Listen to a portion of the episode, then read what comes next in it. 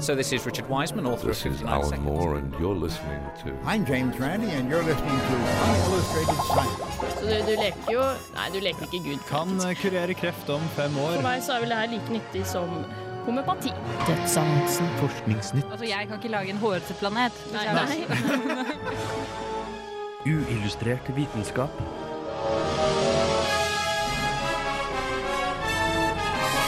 Science, works, bitches.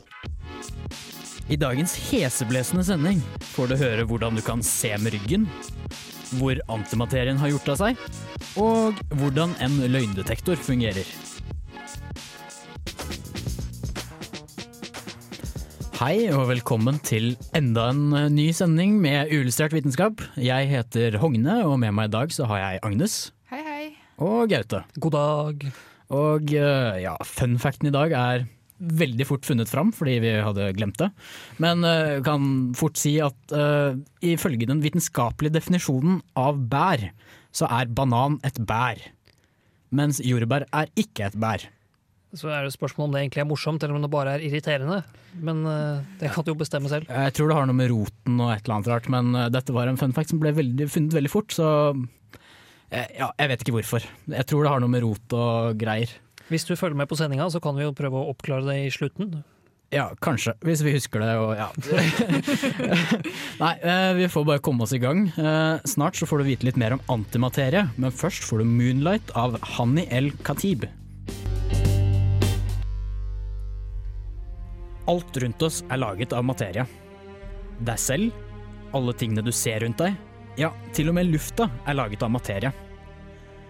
Og når fysikere snakker om materie, så snakker de om alle grunnpartiklene vi har, fra elektroner og kvarker, som atomet er bygget opp av, til mer ukjente grunnpartikler som nøytrinoer, myoner og tauoner.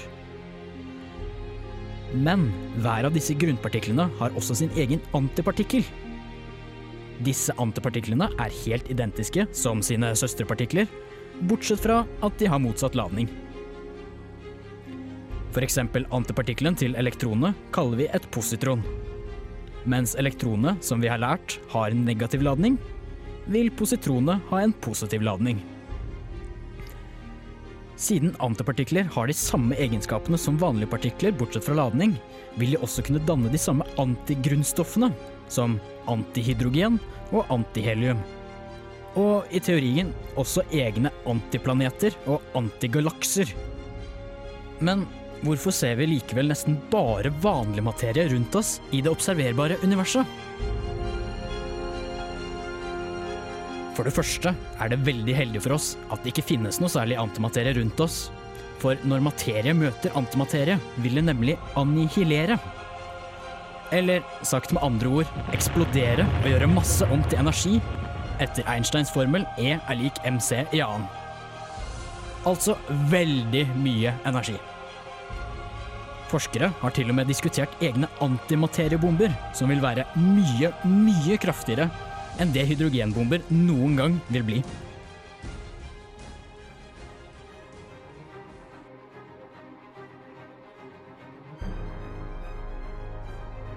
Men selv om det er flaks at det ikke finnes antimaterie rundt oss, er det likevel et mysterium hvorfor det ikke gjør det. Nesten alle prosesser vi kjenner i dag, produserer like mye antimaterie som materie. Og det ville vært merkelig om det ikke skjedde under Big Bang også. Denne asymmetrien mellom antimaterie og materie er en av de største uløste mysteriene innen fysikk i dag. Hvorfor produserte Big Bang så mye mer materie enn antimaterie? Eller om det skulle vært like mye av hver, hvor har antimaterien gjemt seg?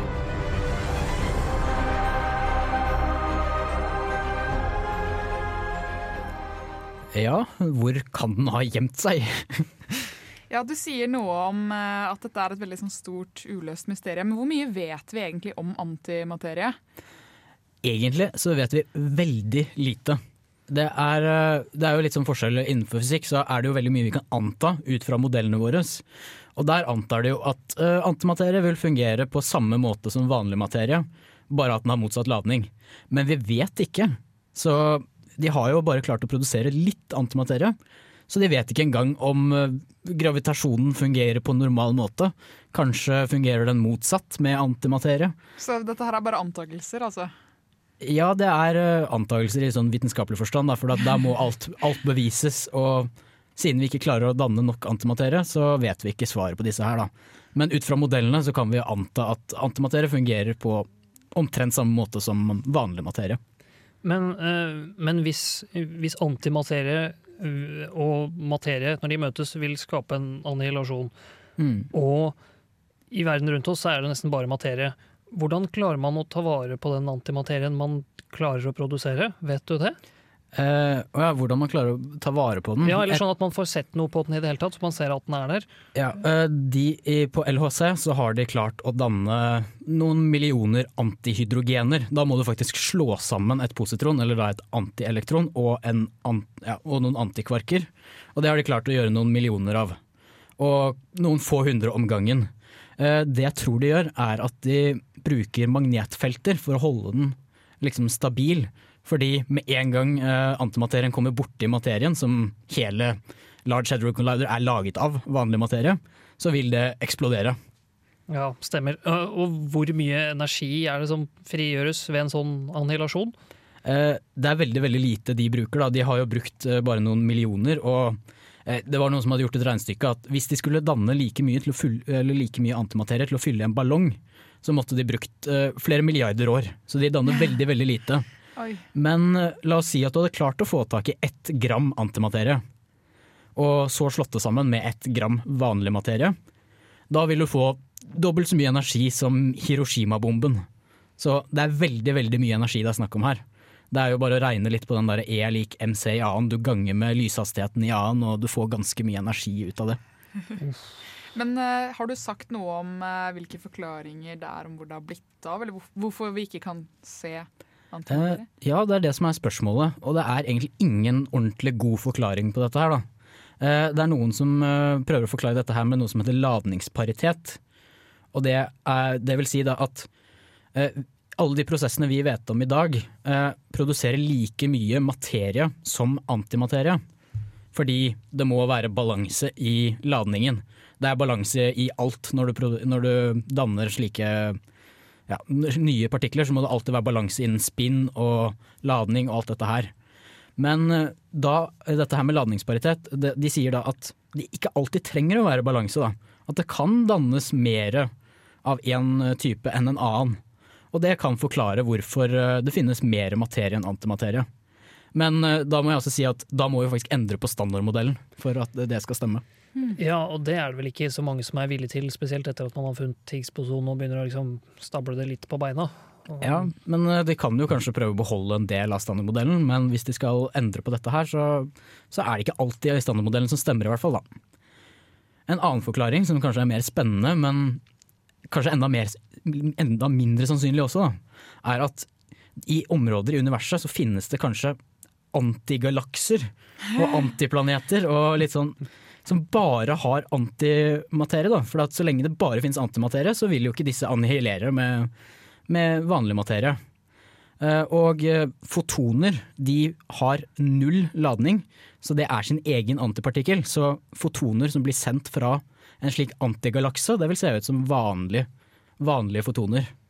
Men samtidig så vil det området imellom være en diger eksplosjon, og det har vi ennå ikke funnet noe i det observerbare universet. Men eh, det kan jo hende at disse her fotonene bare ikke har nådd oss ennå. Det kan jo hende det ligger utenfor det observerbare universet.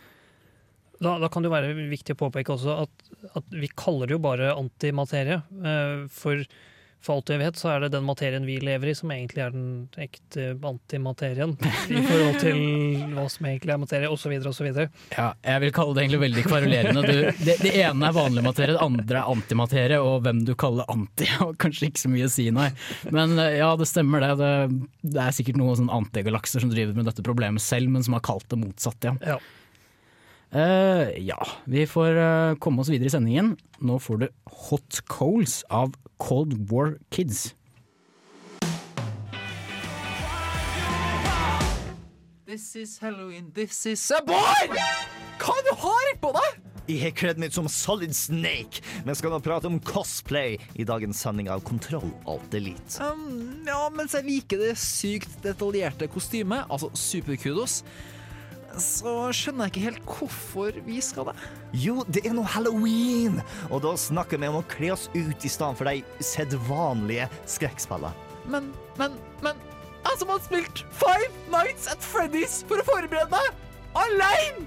I mørket! Ja, ja, ja, drit i det! Vi får besøk med en haug av jenter som cosplayer som bare rakkeren! Dette blir bra. Finner jeg Kontroll Alt Delete på iTunes og dusken.no som vanlig? Selvfølgelig.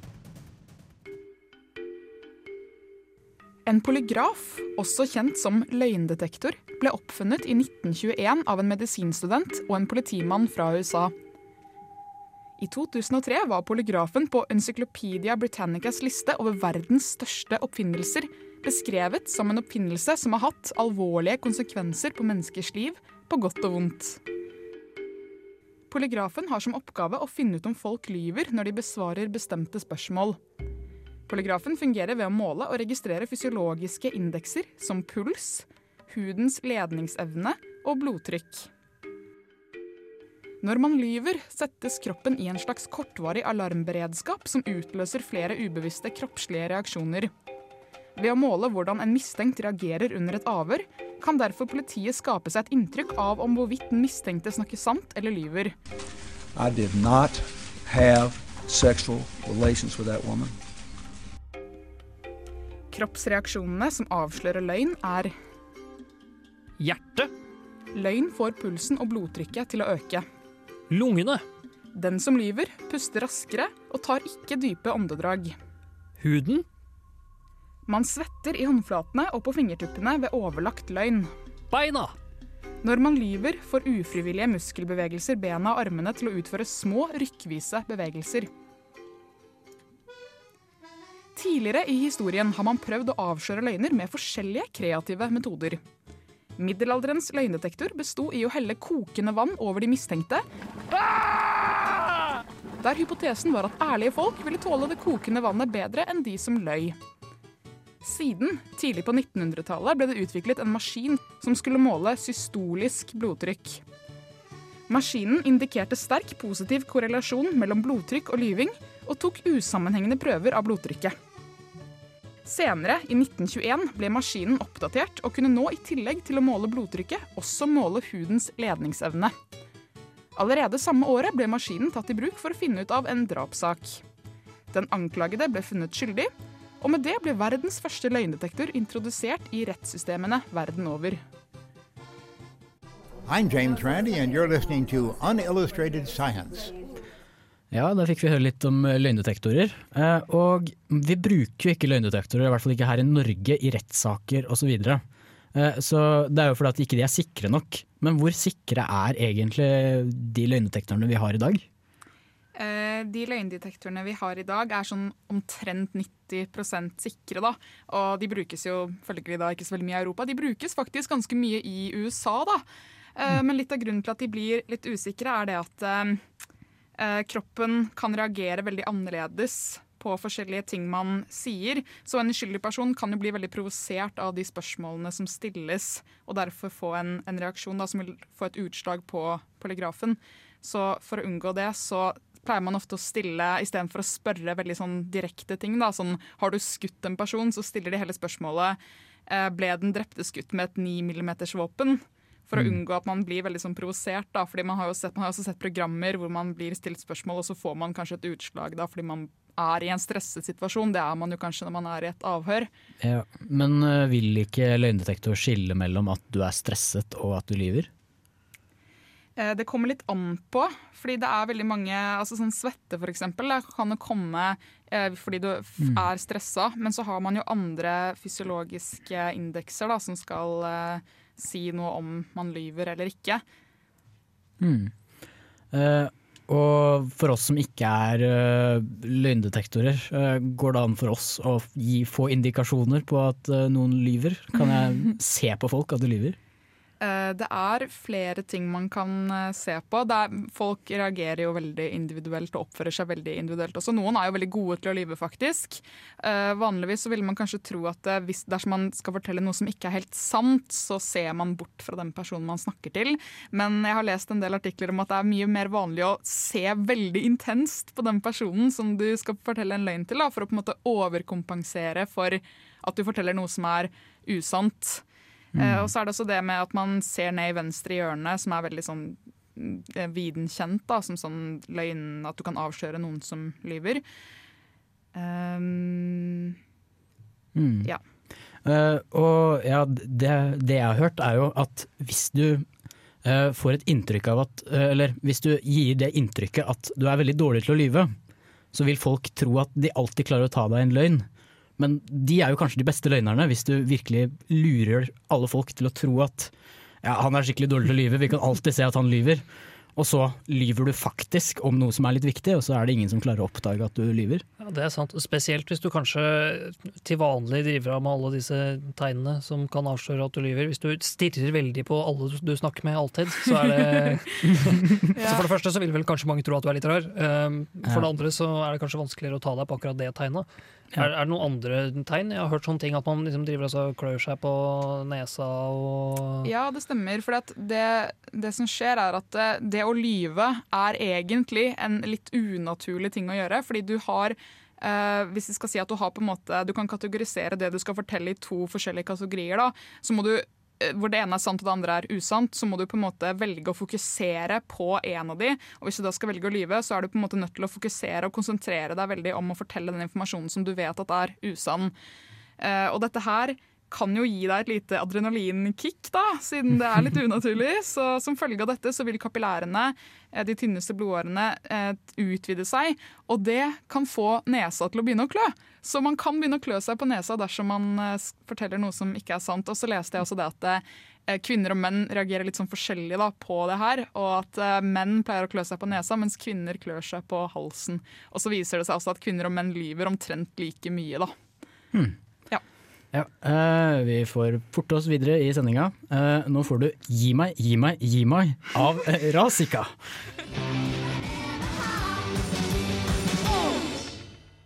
Har du hørt om taktilt syn?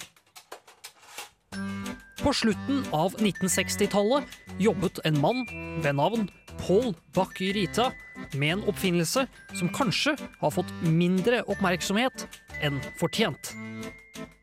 Han fant nemlig opp et apparat som gjør at blinde kan se med ryggen.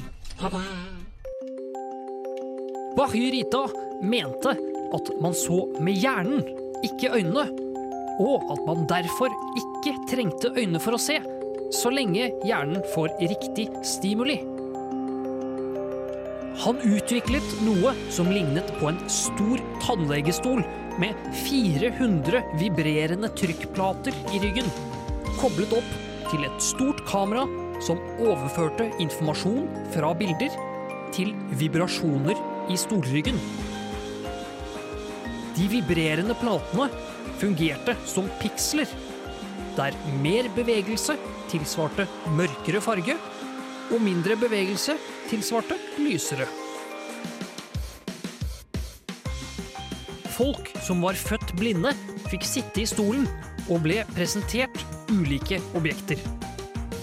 Etter litt trening klarte de å lese skrevne ord, oppdage ansikter, se skygger, si noe om avstand til objekter, og å observere hvordan objekter så annerledes ut fra ulike vinkler.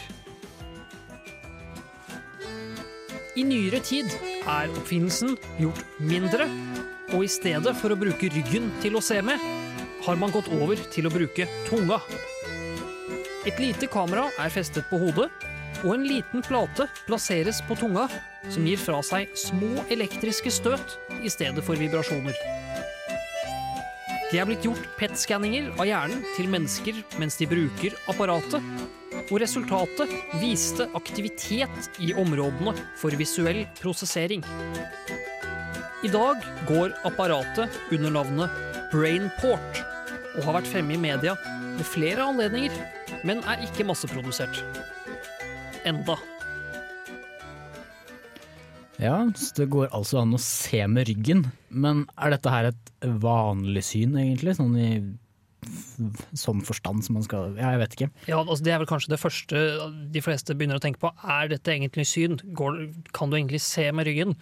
Og det kommer jo veldig an på hvordan du definerer syn. Hvis det er som at du kan gjenkjenne et objekt eh, utenfor deg, basert på form og størrelse og plassering, og, og at du ja, altså Hvis det er det du legger til grunn, da, hvis du da rett og slett kan lese ting som står skrevet, Mm. hvis det er definisjonen for syn, ja, da er dette syn. Men ja, eller for den saks skyld, hvis du heller vil gå mer biologisk sett, da, og så se på hjernen, om det er eh, Om du da kombinerer dette med at du kan kjenne igjen et objekt på avstand, og du kan se at det lyser opp i de visuelle sentrene av hjernen, så ja, da er det syn. Men du kan jo ikke se farger med dette her. Det ble jo mer et slags svart-hvitt, tåkete eh, syn.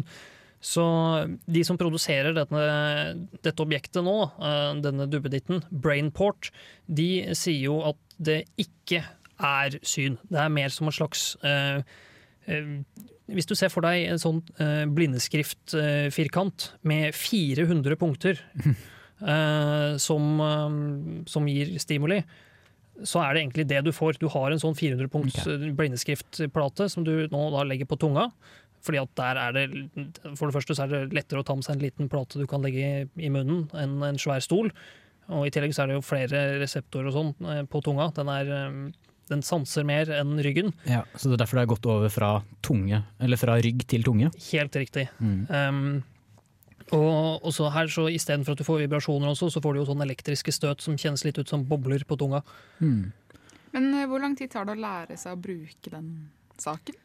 Ja, altså Ganske fort så kan du lære å gjenkjenne, kjen- gjenkjenne noen ting. Eh, Jeg har vel lest at du ikke trenger så veldig mye mer enn et kvarter før du kan begynne å, å, å forstå at det du ser egentlig er objekter et som ligger liksom på utsiden av deg.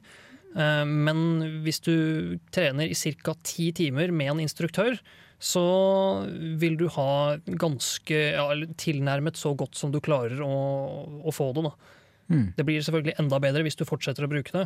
Eh, og det er jo faktisk en, en mann som er født blind, som klatrer ved å bruke den her. Som kan klatre i en klatrevegg, og som kan, kan se at å, der oppe er det et nytt håndtak, der kan jeg ta. Og så tar han sats, hopper og tar tak. Mm. Men det, dette her høres jo veldig veldig fantastisk ut, men du sier Ja. i saken din at eh, den er ikke masseprodusert. Hvorfor er det ingen som har eh, gjort det? Ja, Det er egentlig et veldig godt spørsmål, spesielt fordi at teknologien begynte jo allerede på slutten av 60-tallet. Eh, Det har jo tatt lang tid før man har kommet til dit man er i dag, og de som har produsert det, jobber med å få den godkjent eh, gjennom en del lover som den må gjennom i USA. Mm. Eh, og det er jo kanskje ikke så veldig mange som vil at blinde plutselig skal se masse. Eh, Er det ingen ja, altså, jeg, tenk, jeg tenker sånn i USA med penger og sånn, eh, Mm. så kan det være vanskelig å, å få det gjennom. Pluss at det er jo strengt tatt ikke akkurat syn, så de sliter også litt med hvor mye de egentlig kan love at du får ut av dette her. Mm. Eh, så er det mulig at det er, kanskje det er noen i militæret som kunne tenke seg at å, dette her har, å, har jo vi lyst til å bruke, så vi har, lyst til å bare, vi har ikke lyst til at massene skal ha dette her, for kanskje vi kan finne på noe kult. Vi kan koble det til infra, infrarødt kamera og så gi det til noen som har vanlig syn, og se om de klarer å lære seg å se infrarødt, for Ja. eksempel. Så ja. Ja. øh, ja. Snart så skal vi prate litt mer om vår alles kjære melk. Og det er kommet en ny studie som viser at melk kanskje ikke er så fantastisk bra som det norske helsemyndigheter eh, sier. Eh, men først så får vi litt musikk.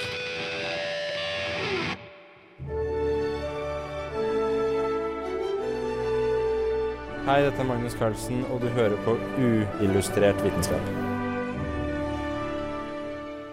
Ja, nå skal vi prate litt om eh, melk. Og det har, ja, dette er jo ikke helt nytt for alle, for dette har stått mye om det i store aviser, og NRK har hatt om det, og VG osv. osv. Men eh, det er gjort et stor studie på 61 000 kvinner og 45 000 menn mellom 39 og 79 år. Og de har funnet ut at uh, melk beskytter deg ikke mot lår- og benbrudd, benbrudd sånn som ja, melk alltid har, eh, vi alltid har fått, fått fortalt at det gjør. Da. At det styrker benbygningen og alt mulig sånn pga. kalsium osv. Uh, det viser faktisk det motsatte. At eh, de som drakk veldig mye melk, de hadde faktisk en høyere risiko for lår- og benbrudd enn de som ikke drakk så mye melk. Og de hadde også høyere risiko for hjerte- og karsykdommer. Så egentlig så er det Burde vi trekke tilbake melk fra, fra butikken? Er det så ille, eller er det bare Det er veldig mange Nei, nei, nei. Det er, det er veldig mange eksperter som har uttalt seg her og sagt at vi kan ikke helt konkludere enda, men dette her var veldig uventa. Og det er et veldig, eh, veldig viktig funn, da, på en måte, fordi eh, innen ja, Mattilsynet eh, de anbefaler jo mye melk om dagen osv. osv. Men eh, det har jo alt med måte, da, på en måte. Og det som er det store problemet, det er laktosen i melka. Mm. Fordi når det kommer inn i kroppen, så blir det brutt ned til galaktose. Og galaktose har veldig mange negative virkninger, som de har gjort, på, de har gjort forsøk på mus for eksempel tidligere. Og da fikk de frekalt oksidativt stress. Eh, De fikk eh, kronisk betennelse og svekket immunforsvar og tap av celler i cellenervesystemet. Og da et generelt forkortet liv. Så galaktose er ikke bra, og det er det laktose blir brutt ned i kroppen. Så det du prøver å si er at melk ikke er sunt?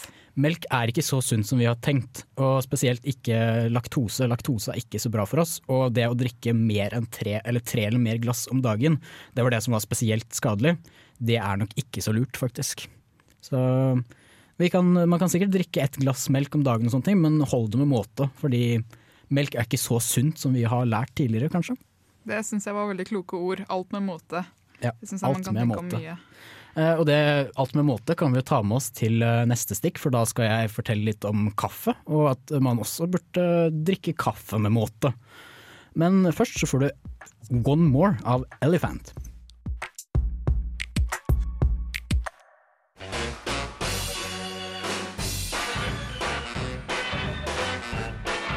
Hei, jeg heter Petter Skjerven, og jeg lytter til Illustrert vitenskap på Radio Revolt så ofte jeg bare kan. Uillustrert. Veldig bra. Hei, jeg heter Petter Skjerven, og jeg lytter til Uillustrert vitenskap på Radio Revolt så ofte jeg bare kan. Ja, nå har jeg nettopp eh, fortalt dere hvorfor man ikke skal drikke for mye melk. Nå skal jeg fortelle dere hvorfor dere ikke skal drikke for mye kaffe. Skal du ta fra oss liksom alle de gode drikkene her i dag, eller skal du holde deg stoppe på kaffen? Jo, jeg tror ikke jeg rekker mer. Jeg kan fortsette på neste sending. Nei, eh, men for det første så syns jeg kaffe det har veldig veldig mange gode eh, virkninger og sånne ting. Men jeg kan jo først begynne å forklare hvordan kaffe fungerer. Når, du drikker, eller når man blir trøtt, så blir man trøtt fordi man får økt adenosin i kroppen. Og disse setter seg på slike adenosinreseptorer. Eh, Det som da gjør at kaffe vekker deg opp igjen, er at eh, kaffe har koffein i seg. Og koffeinen tar da plassen til eh, adenosinet i disse her adenosinreseptorene. Men koffein gir deg ikke en trøtthetsfølelse, så dermed så tar den plassen til adenosinen, og du føler deg ikke trøtt. Men så er det det at hvis du bruker kaffe over veldig lang tid, så begynner kroppen å tilpasse seg at du drikker mye kaffe. Og dermed så eh, skaper den flere adenosinreseptorer. Det betyr for det første at du må drikke mer kaffe for å få den samme effekten. Men det vil også si at når du ikke har kaffe, så vil du ha flere adenosinreseptorer, slik at du vil føle deg trøttere uten kaffen enn om du kaffe, om, enn om du aldri hadde drukket kaffe. Da.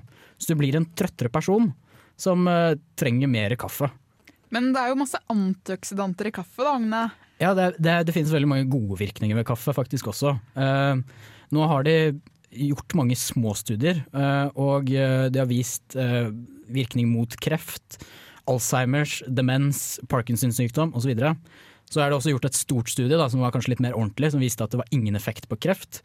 Men det er absolutt ingen tvil om at antioksidanter er veldig veldig viktig for oss, og kaffe har antioksidanter. Så selv om du blir avhengig, så blir du på en måte avhengig av en positiv ting. da. Det er som å være avhengig av vann, på en måte. Eh, ja, eh, det er jo eh, Grunnen til at det er avhengighetsskapende er fordi at det, det stimulerer faktisk dopaminsystemet vårt, sånn som alle mulige andre ting som gjør oss glad. Da, sånn som, ja. Og alle andre rusmidler, da, for kaffe er jo egentlig et veldig mildt rusmiddel. Eller koffein er det. Eh, og det er da dette her adrenalinet som øker dette her dopaminnivået, og som gjør deg da avhengig. Samtidig som eh, flere adenosinreseptorer gjør at du trenger mer kaffe for å få samme effekten som du fikk tidligere. Ja, For kaffe er jo strengt tatt det er jo et rusmiddel, på samme måte som eh, alt annet du hører av skumle rusmidler, eh, fordi at den påvirker eh, disse, disse reseptorene, eh, adenosinreseptorene. Ja, eller da spesielt at det også eh, fikser på dopaminnivået, sånn som for f.eks. kokain gjør, bare i veldig mye større Ja. effekt. For disse adenosinreseptorene de sitter jo i, i nervesystemet. Det er jo litt viktig å, å påpeke. da, At det, er, at det er der du tuller opp. Mm. Eh, Så det jeg prøver å si er jo at jeg vil jo ikke ta kaffe fra dere, spesielt deg Agnes, som jeg vet drikker mye kaffe. Ja, jeg kommer til å jobbe veldig hardt imot deg neste gang og prøve å falsifisere alt du har sagt. Ja, men det jeg bare sier at uh, du burde også drikke kaffe med måte, sånn som med melk. Nei. Fordi for mye kaffe gjør jo for det første at du blir avhengig, men også at du vil bli trøttere om morgenen før du har fått kaffen. Ja, men Kaffe er jo det som gjør at jeg står opp om morgenen. Det gleder meg før jeg legger meg til å stå opp og lage kaffe. Ja, ok, men oss andre som ikke drikker så mye kaffe, kan jo stå opp eh, Jeg vet ikke hva vi kan glede oss til. Jeg spiser frokost eller faktisk eh, Ja, jeg vet ikke. Men det, det er ikke et så godt argument. Du, du vil bli trøttere om morgenen, og dermed vil det bli vanskeligere å komme opp av senga. Hvis du hadde klart å få kaffen sånn imens du lå i senga, så hadde du kanskje Ja, klart men å Det stå er opp jo ikke noe enklere. vanskelig å fikse. Nei, men det, det er i hvert fall ikke så mange som har sånne kaffetraktere ved senga. Men eh, det burde kanskje bli det i framtiden. Ja. Eh, nå får vi snart litt musikk, før vi skal kanskje komme inn på dette her med bær og det her som vi prøvde å oppklare i begynnelsen. Men først får du 'Blinded' av The Bots. Ja, Gaute, kan du oppklare hvorfor banan er et bær, men jordbær er ikke et bær? Ja, det kan jeg gjøre. For i et bær eh, så ligger frøene direkte i frukt, fruktkjøttet, mens hos eh, steinfrukt, som eh, jordbær strengt tatt går under, Mm. eh, så er frøene omgitt av et hardt skall som eh, stammer fra fruktkjøttet. Og det som ser ut som et bær som er under, den røde klumpen, det er egentlig bare en oppsvulmet blomsterbunn. Ok, ja, Så det har med hvor frøene ligger? Og Det sånn? har med hvor frøene ligger og sånn. Og selv om du kanskje ikke ser noen eh, frø inni bananer, så har vanlige bananer egentlig frø. Men disse du kjøper i butikken, de stammer fra en, en mutasjon som gjør at de plutselig ikke hadde en frø. Ok, ja, da fikk vi oppklart det før vi avsluttet.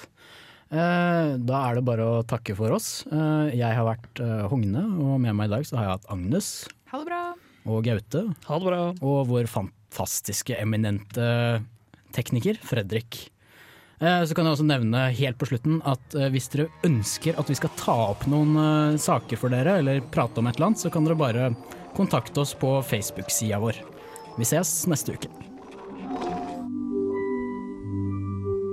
Uillustrert vitenskap er Midt-Norges eneste teknologimagasin på lokalradio.